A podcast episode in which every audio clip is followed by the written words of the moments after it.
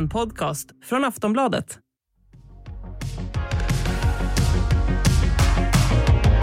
Hej Lena och My.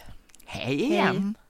Det här blir ju förstås ett väldigt speciellt avsnitt av En runda till. Vi har kastat det manus vi hade skrivit för dagen och får bara börja där vi står. Eh, när vi vaknade upp i morse så gjorde vi det till nyheten om att Ryssland har gått in i Ukraina.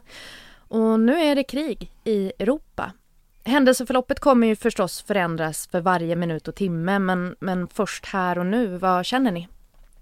Jag tycker att det är otäckt. Mm. Jag tror att det blir långvarigt. Jag är ledsen. Mm. Och ja, det är väldigt mörkt. Vad säger du My? Ja, men jag tycker också det känns väldigt, väldigt eh, obehagligt. Och man kan ju inte annat än få rysningar när alla politiska ledare och alla ledare säger att det här är det värsta vi varit med om sedan andra världskriget. Det känns ju tungt. Alltså vi vet ju att det här har varit på gång ett tag liksom. Det här är ju ingen kanske överraskning men, men är det konstigt att man ändå känner sig lite överraskad? Att det ändå blev så här? Människa, liksom hoppet är det sista som är. Vi är människor, så därför så hoppades man ju hela tiden att men det kanske det blir av i alla fall, trots Mm. allt. Och så blev det det. Ja. Jag, jag vill gärna prata om hur eh, Sverige ska agera nu. Vad, vad gör regeringen? Vad är det första man gör? Ja, från och med nu är det det första viktiga som man, som man gör är att eh, Magdalena Andersson deltar i Europeiska rådet, ett extrainsatt ikväll, Mm. alltså med torsdag kväll. Och då, där ska det beslutas om upp, alltså kraftigt upptrappade sanktioner mot Ryssland. Mm. Och det antar jag är saker som kommer ske nu under veckan som kommer. Vad, vad är det mer som händer under veckan?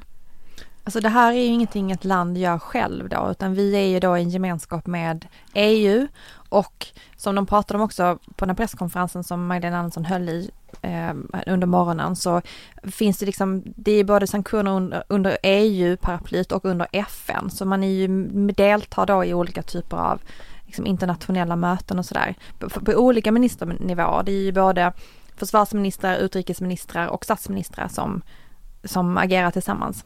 Just det. Och eh, går vi som land upp i någon slags beredskapsläge nu? Försvaret är, har ju sagt länge, eller ÖB har sagt länge att, eh, att de har så att säga full koll på beredskapen och att det var därför som de flyttade trupp till, eh, till Gotland tidigare i år Ja. för att göra det synligt att vi har minsann inte eh, somnat till här på den här sidan Östersjön utan vi har full koll på läget. Men eh, för det uppfattade jag lite som en så här uppvisningsgrej, att man visar, kolla här har vi våra grejer, vi, vi är redo, men, men är vi det? Jag, jag tror inte att man ska se det som uppvisningsgrej utan jag tror att man ska se det som ett, ett meddelande till Moskva. Okej. Keep your fingers off. Ja. Ut ur syltburken. Mm. Det finns en annan beredskap som Magdalena Andersson också nämnde här på den här presskonferensen och det är det som handlar om desinformation. Att man ska vara beredd, alltså det är också en del av beredskapen ju. Att man ska vara beredd på att det kan komma information som inte stämmer och att det finns propaganda som inte stämmer. Ja. Och att man som medborgare och ett land också då ska behöva vara uppmärksam på det och ta ansvar för att man ser till att man får information och att man vet var den kommer ifrån. Det är också en slags beredskap. Absolut i dessa tider mer än någonsin. Men eh, vad, vad tyckte ni om hennes tal?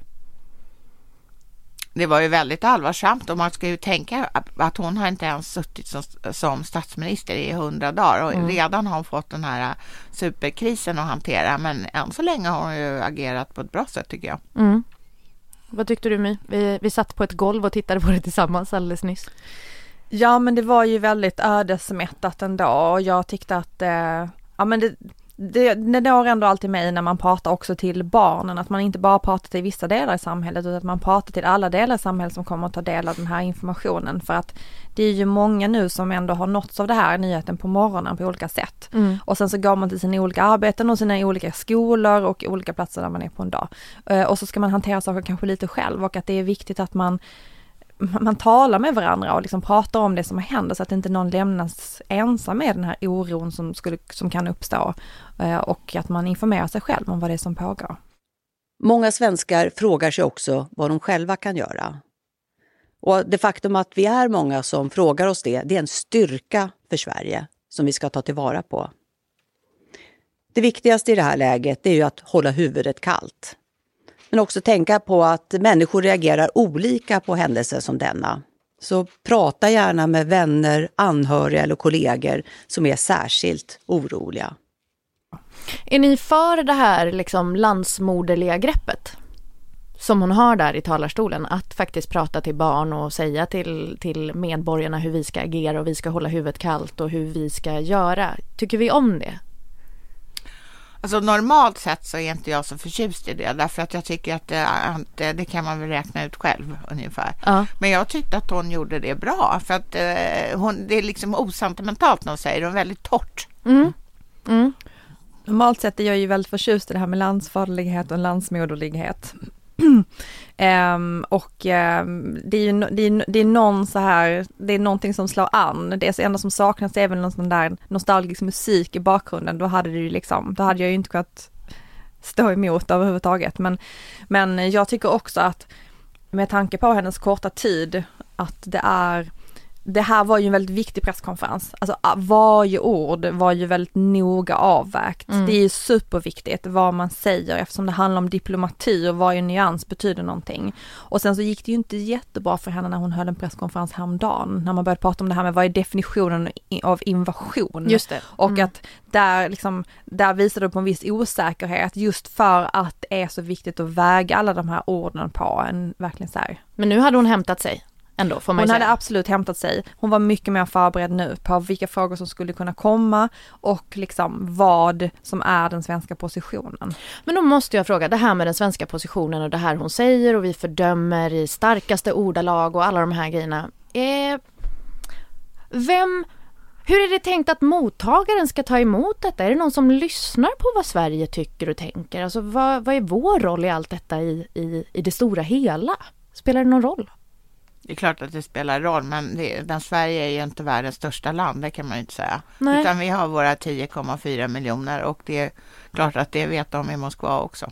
Ja, så det spelar kanske inte jättestor roll då? Nej, men det spelar roll, men inte såklart inte jättestor roll, utan det är Sveriges eh, chans, eller vad ska jag säga, möjlighet att spela en viktig roll, det går ju genom de organisationer som vi är med i och framförallt då genom EU. Ja, ja. Och, och hur stor är vår röst där? Äh, där är det ju så att man skapar sig det utrymme som, som, tillåten, som man blir tillåten. Så, och där har ju då Magdalena Andersson haft en ganska kort tid på sig. Men eftersom vi bidrar med ganska mycket pengar till Ukraina så stärker det henne i den, i den, eh, den här sammansättningen. Och um, också att hon kan bilda förbund då. Men hon har ju verkligen poängterat vid ett flertal tillfällen under den här djupa krisen hur ofta hon ringer framförallt uh, den finske presidenten. Mm. Och uh, det är klart att alla samlingar inom den här EU-kretsen som man kan uppbåda, det stärker ens egen position också. Ja, hon pratar ju också om det att hon skulle ringa Ukraina, hon ska prata med Ukraina och ge sitt mm. stöd och sådär. Är det någon liksom på andra sidan i Ukraina som ska ta emot alla de här samtalen då om, om vad Magdalena Andersson och andra överhuvuden till olika stater eh, ja, ringer och tycker och tänker och känner. från att det inte är några längre samtal. De lägger sig inte på varsin soffa och liksom pratar ut utan här med, de, de liksom snabbt avhandlar det här och det tror jag, det tror jag alltså det är ett, på något vis ett accepterat sätt att, att, mm. att uh, i det internationella samfundet att visa solidaritet just att man inte bara skickar iväg ett sms utan man faktiskt pratar med någon. Men, men fyller det något konkret syfte eller är det här någonting mer rituellt man gör liksom?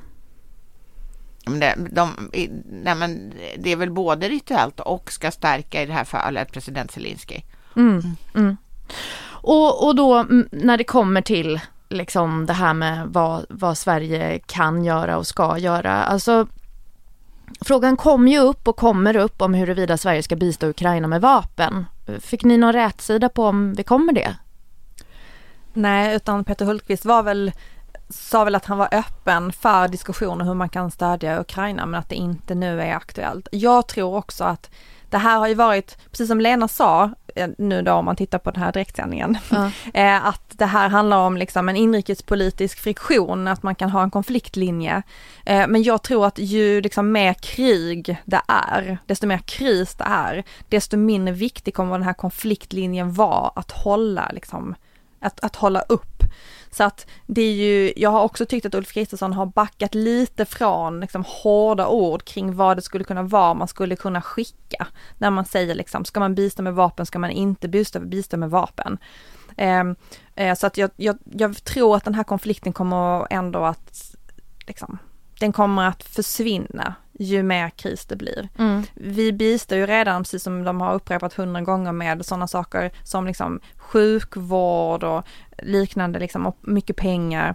Så att Men när man säger så här, vi bistår militärt är ju ett begrepp som dyker upp. Alltså vad betyder det förutom vapen? det kan ju vara väldigt mycket. Alltså det här med sjukvården tror jag går under militär, alltså militär Ja, alltså, fältsjukvård. okej. Ja, så en defensiva vapen verkar även kunna inkludera just fältsjukhus. Okej. Mm. Ja. Så att de kommer nog bli överens tror jag inrikespolitiskt i att vi kommer att stödja på ett bra sätt tror jag.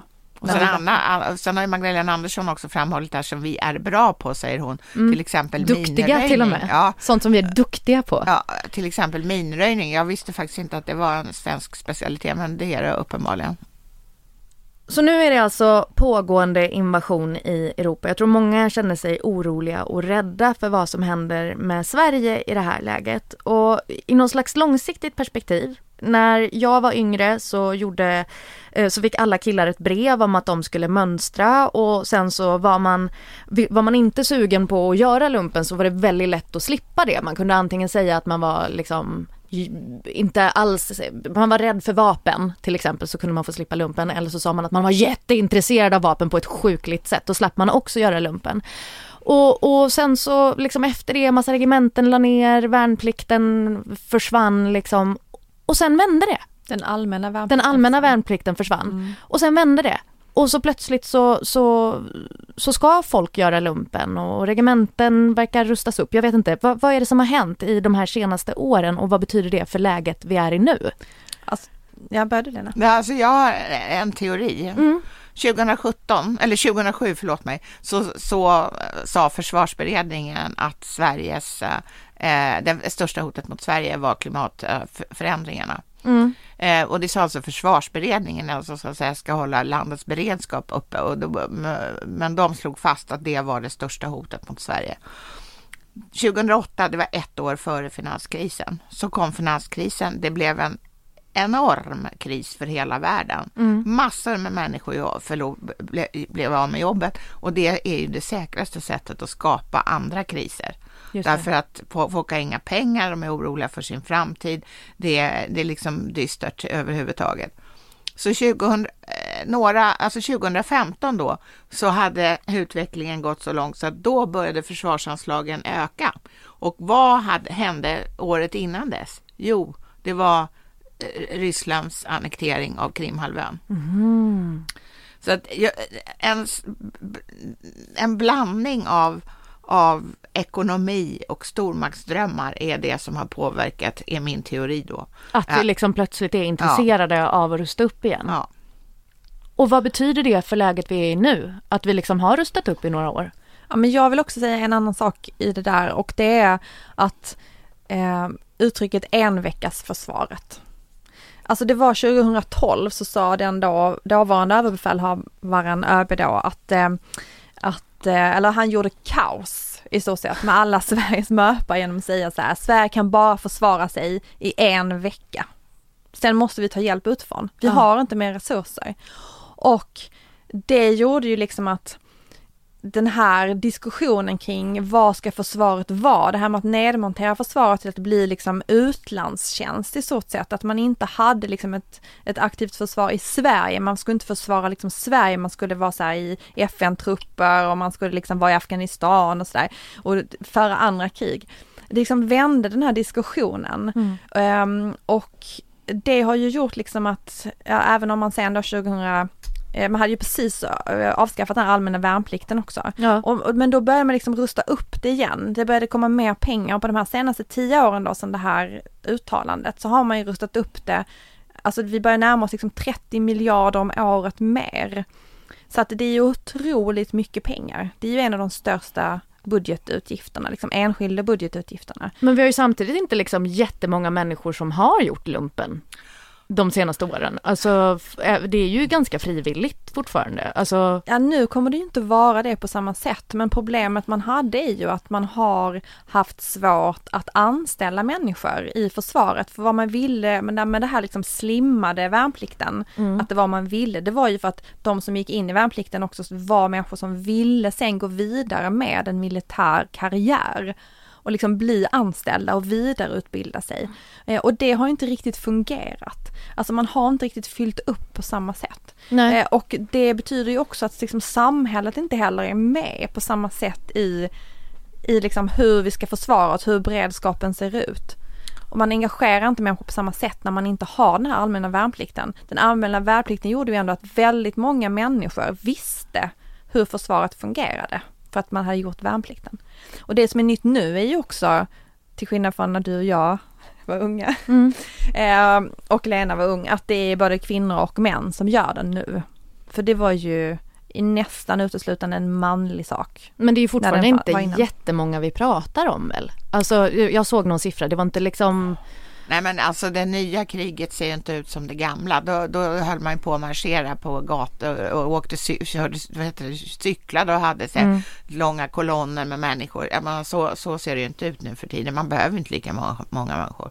Nej. Men det man kan säga är att det där skapade, i alla fall bland män då som, som gjorde allmän värnplikt, skapade det någon slags gemensam grund och de fick flytta hemifrån och sånt där vid en viss tidpunkt. Och, och, och, så det kanske var bra på andra sätt, men att liksom uppfostra hela den manliga eller både manliga och kvinnliga mm, delen av befolkningen till att eh, eh, bo på mäss och sånt där, det, det är inte nödvändigt längre. Nej.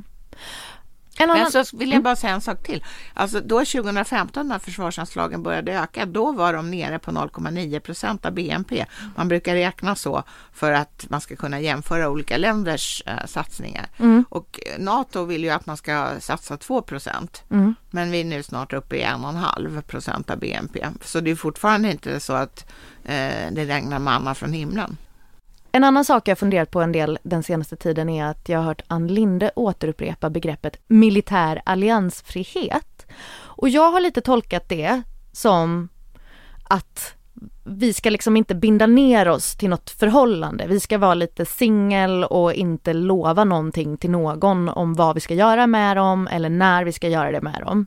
Stäm, är det en okej okay tolkning ändå av vad det är hon säger?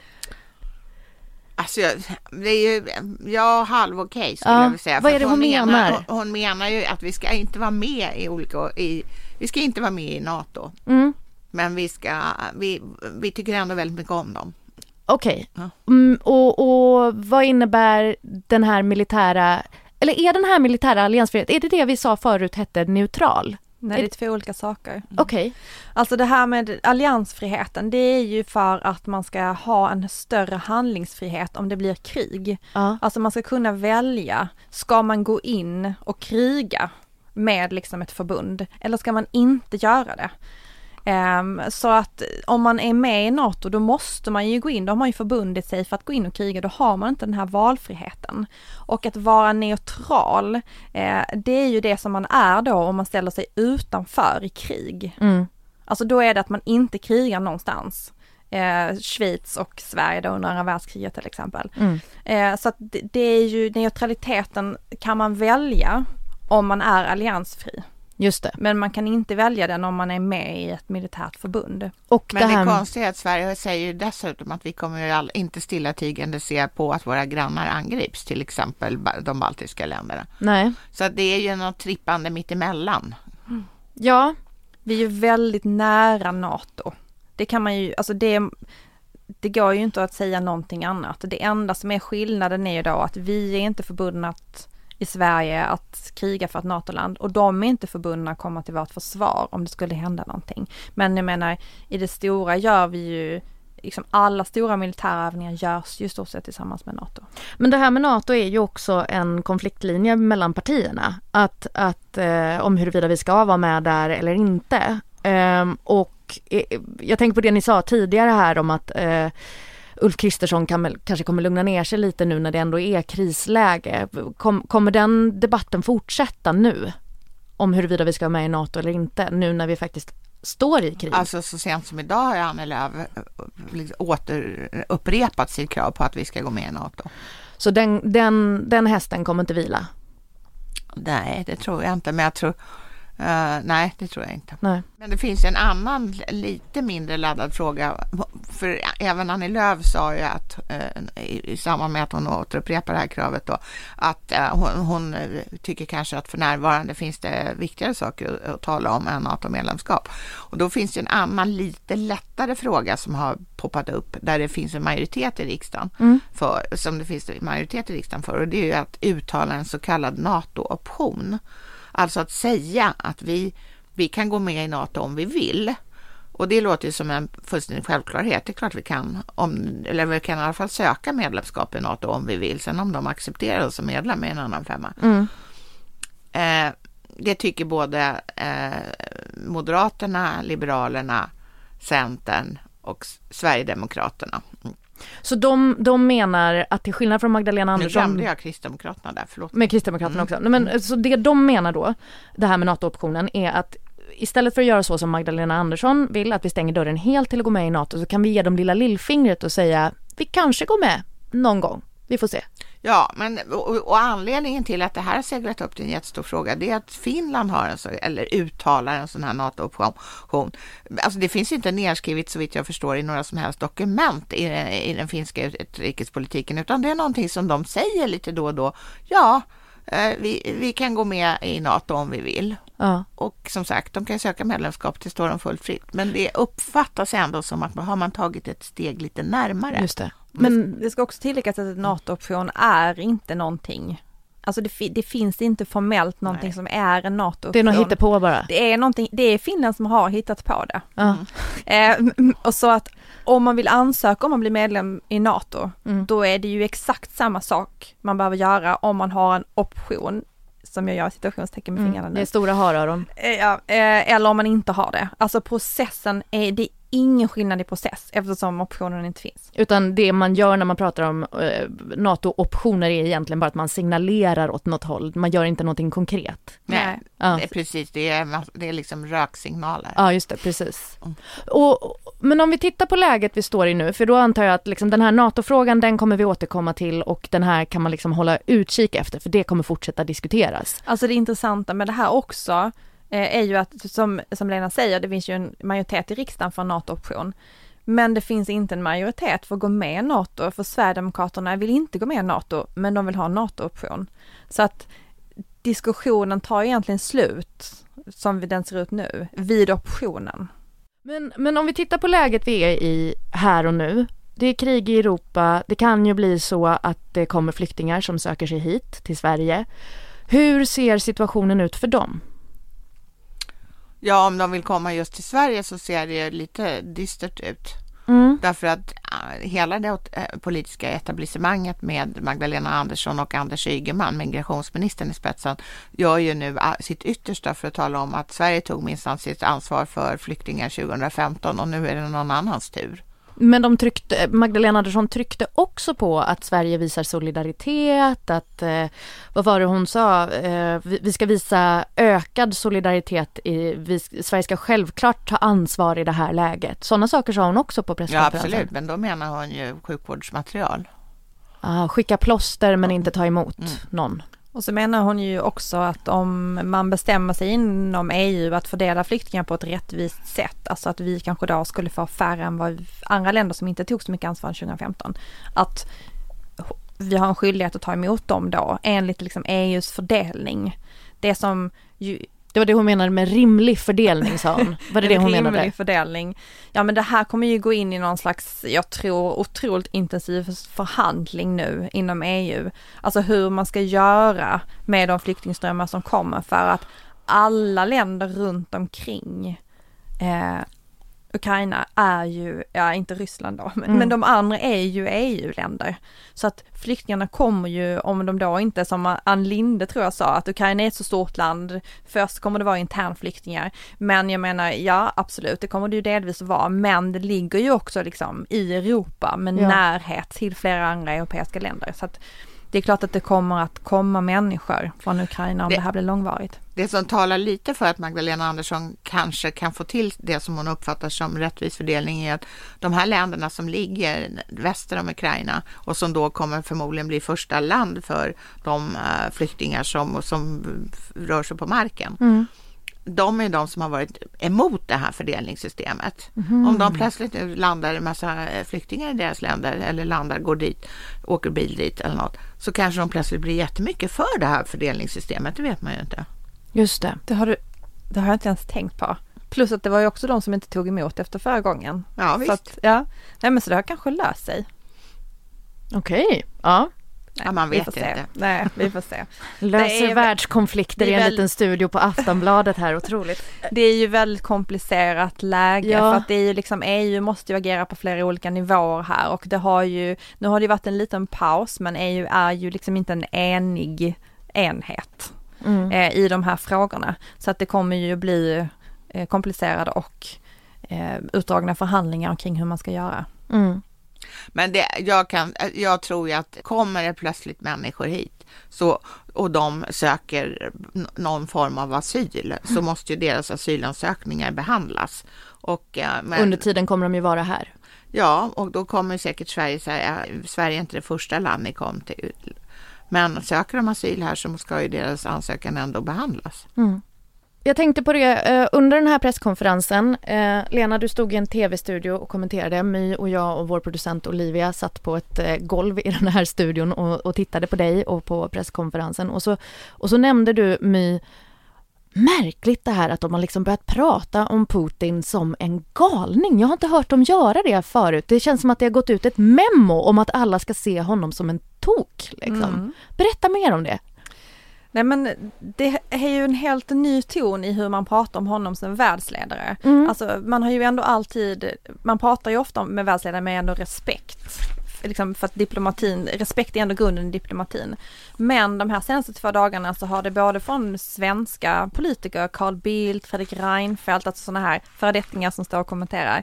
Och Joe Biden, också USAs president, har ju liksom pratat om president Putin som en narcissistisk toking som har isolerat sig under corona och blivit så paranoid att han nu inte längre gör rimliga bedömningar eller kan göra rimliga bedömningar av liksom säkerhetspolitiska läget. Han har suttit där och drömt ihop det här Storryssland, men han är inte ens tillbaka, det var någon som sa så här, han är inte ens tillbaka i liksom i så här eh, Sovjetunionen, han är tillbaka till det här Storryssland liksom på 1800-talet och att det är den typen av erövring han vill göra och det är ju för att han har liksom den här otroligt narcissistiska tokiga personligheten. Ja, och lite det kom ju fram under presskonferensen idag, också lite Ann den... Linde sa det också. Ja. Hon nämnde också liksom att det här är typ en galning som sitter där och jag tycker det är otroligt stor skillnad i hur man annars pratar om världsledare och det är ju också så här att nu så kommer det ju väldigt mycket liksom, analyser som handlar om att det här är början på slutet för honom. Alltså, jag, jag, jag tyckte, och håller med om den här beskrivningen. Det är ju det här, för nu har- framställs han ju som en totalgalning som har eh, tappat alla bäringar åt höger och vänster. Lena och My, tack så jättemycket för idag. En runda till är slut för idag och vi som har gjort programmet är producent Olivia Svensson, experter Lena Melin och My Råväder och jag heter Soraya Hashim. Kontakta oss gärna på podcast.aftonbladet.se. Ta hand om er. Hej då!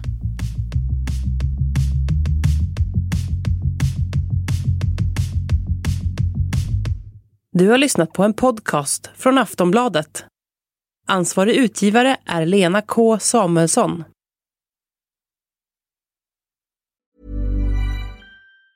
Hey, it's Danny Pellegrino from Everything Iconic. Ready to upgrade your style game without blowing your budget? Check out Quince. They've got all the good stuff shirts and polos, activewear, and fine leather goods, all at 50 to 80% less than other high end brands. And the best part? They're all about safe, ethical, and responsible manufacturing.